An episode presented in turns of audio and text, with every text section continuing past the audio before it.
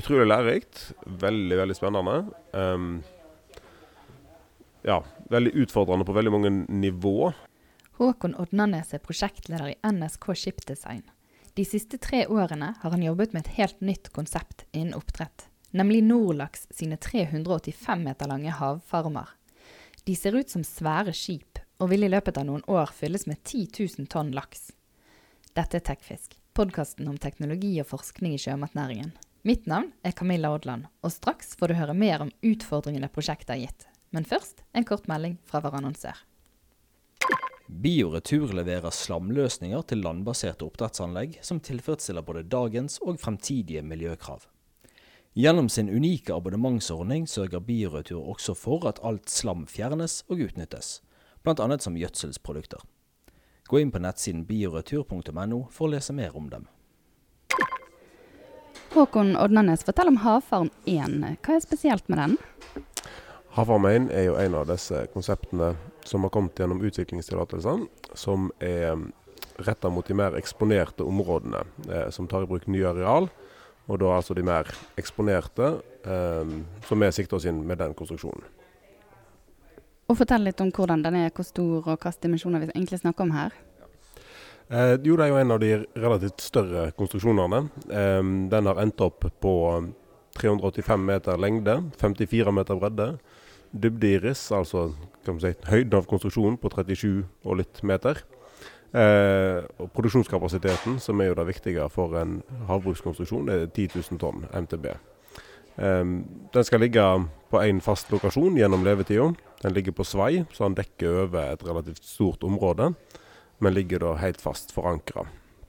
10 000 tonn, sa du. Hvor mye er det sammenlignet med en vanlig rund merd, sånn som vi kjenner de? Ja, da, da spørs jo litt etterpå å si. Men de største lokalitetene vi har i Norge, er på 10 000 tonn. Så det er, det er tilsvarende de største lokalitetene. Men de eh, vil jo ha en utstrekning på flere kilometer. Mens dette her er jo egentlig en, på mange måter en mer kompakt løsning, selv om man da i fysiske mål er ganske stor. For Den ligner sånn litt på et skip i omrisset. Um, hvor langt er dere kommet med den? Eh, den er vi, syns vi sjøl, iallfall vi har kommet ganske langt med just nå. Den um, eh, Vi har gjennomført så å si alle sånne strukturelle analyser og systemdesign osv. Og, så og milepælen er jo, når vi gjør denne innspillingen, at det er stålkuttingsseremoni. Den er vel akkurat ferdig, vil jeg tro, på verftet i Kina i dag på tirsdag. Og hva skjer nå videre med den, da? Da må de eh, kutte opp resten av stålet, sette det sammen igjen som et gigantisk puslespill. Male den ferdig, få installert alle systemene. Og i hele tatt ferdigstille den i løpet av de neste ja, godt og vel et år. Eh, før han da blir transportert på et tungløftfartøy eh, opp til Hadsel, der han vil bli installert. Og ja, gjør de siste måte installasjonene av nøter og slikt, og setter ut fisk. For Det var snakk om at uh, stålkuttingen ble litt forsinket, og det var bare ett fartøy i verden som kunne frakte den, så dermed kunne den bli forsinket. Hvordan går det med det nå? Um, nei, uh, altså Verftet har hatt veldig mange forskjellige planer på, på, stålkutting, og dette var nok ikke den helt mest optimale, men absolutt innenfor det som er realistisk å gjennomføre. Eh, det fartøyet som kommer og henter den, der har et vindu det må, må forholde seg til, og da ser den ut som den er absolutt innenfor. Og rognen som skal oppi der, har dere også fått uh, allerede? Den er, si, den biologiske produksjonen er i full gang. Mm. Og Når blir det fisk ute i havfarmen? Et par uker eller måneder etter den har kommet på plass. Så vi snakker kanskje tidlig sommeren 2020. Eh, men det er jo ikke bare den dere skal bygge, dere skal bygge én til. Eh, fortell hva blir annerledes med den neste havfarmen? Ja, Havfarm 2. Eh, først og fremst er det et annet driftsfilosofi. Havfarm 1 vil jo ligge fast fortøyd på én lokalitet. Relativt eksponert, men én lokalitet. Havfarm 2, eh, det som skiller den i hovedsak, er at den vil benytte veldig mye mer eksponerte lokaliteter, men bare i tidsperioder der det er forsvarlig, altså relativt lave, lave miljølaster. Um, og så vil han flytte seg av egen maskin til et mer beskytta område når det er behov for det. Så den vil da altså være si, dynamisk, og vil benytte DP, eller ja, dynamisk posisjoneringslignende eh, teknologi, for forflytning, manøvrering og å holde seg i ro. Og den teknologien brukes i dag på offshorebåter, men på en måte i kortere perioder av gangen. Er det testet ut at eh, et fartøy skal ligge sånn fast på dynamisk posisjonering? Ja, altså det er jo gjort um, Det brukes jo på f.eks. drillingrigger som driller etter olje og på veldig store dyp, og som bruker kun eh, et DP-system for å holde seg i posisjon.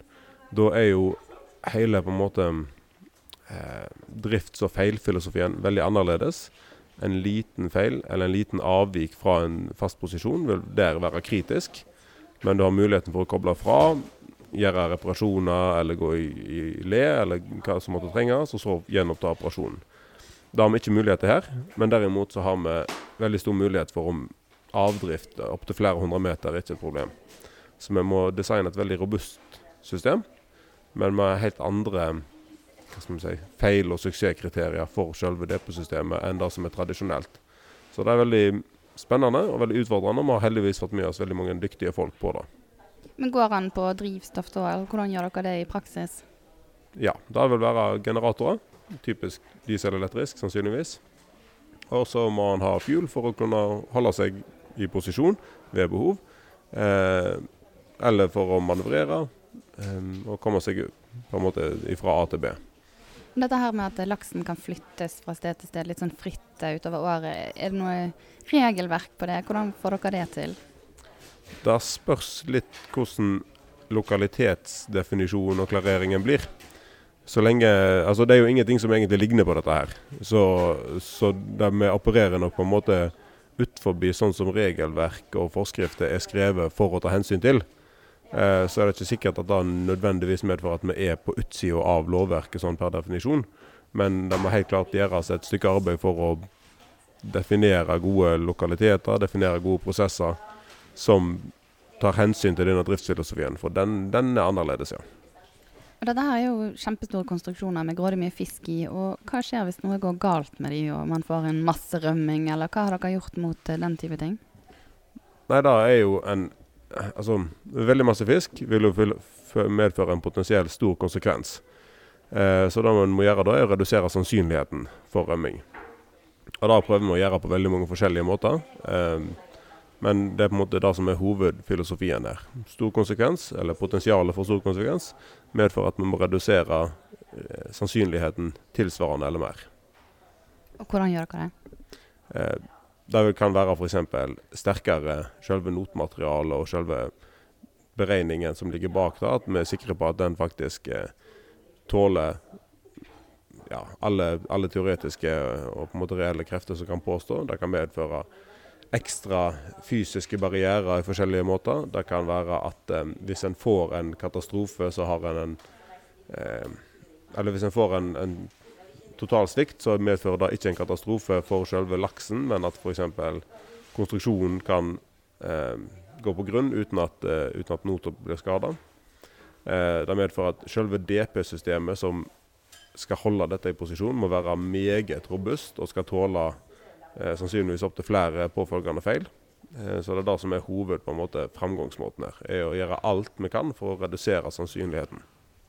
Og jobber, dere jobber med skipsdesign. Hvordan har det vært å utvikle noe sånt som dette her til oppdrettsnæringen? Utrolig lærerikt. Veldig, veldig spennende.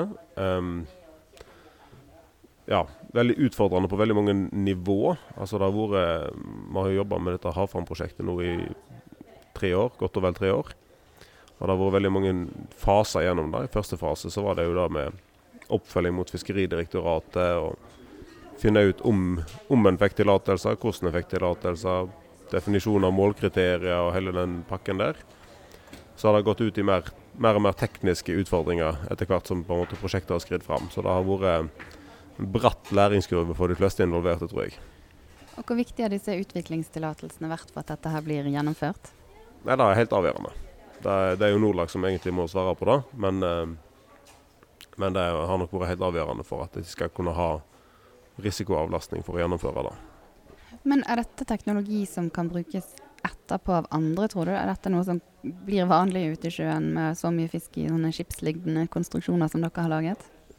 Ja, det får vi se på. Eh, det som jeg er ikke i tvil om, er at de erfaringene vi tar med oss, og den, den kunnskapen vi opparbeider oss, det kommer uten tvil til å bli tatt med oss videre. Og at vi kommer til å bruke det i produksjon på mer eksponerte og forhåpentligvis da, mer sånne dynamiske, posisjonerte anlegg av en eller annen slag. Og Den første havformen den som du sa, den bygges jo nå i Kina. Den neste havformen, blir den bygget i Kina den òg? Det vet vi ikke. Det vil være en åpen konkurranse, men eh, ja, vi får se. Når begynner byggingen av den, tror du? Ja, vi skal nok eh, Jeg vet ikke om jeg har lyst til å komme inn på det i veldig stor detalj, men eh, vi har en plan for det. Den blir i hvert fall. Den, den blir. OK, takk skal du ha. Yes, bare hyggelig. Du har nå hørt på Tekfisk, podkasten om teknologi og forskning i sjømatnæringen. 14.11 blir det liveinnspilling av podkasten på Statsråden pub i Bergen. Tema er digitalisering av oppdrettslaksen. Det er åpent og gratis. Du kan søke opp Tekfisk direkte på Facebook og få mer informasjon der. Og du kan òg sjekke ut nettsiden vår techfisk.no. Vi høres!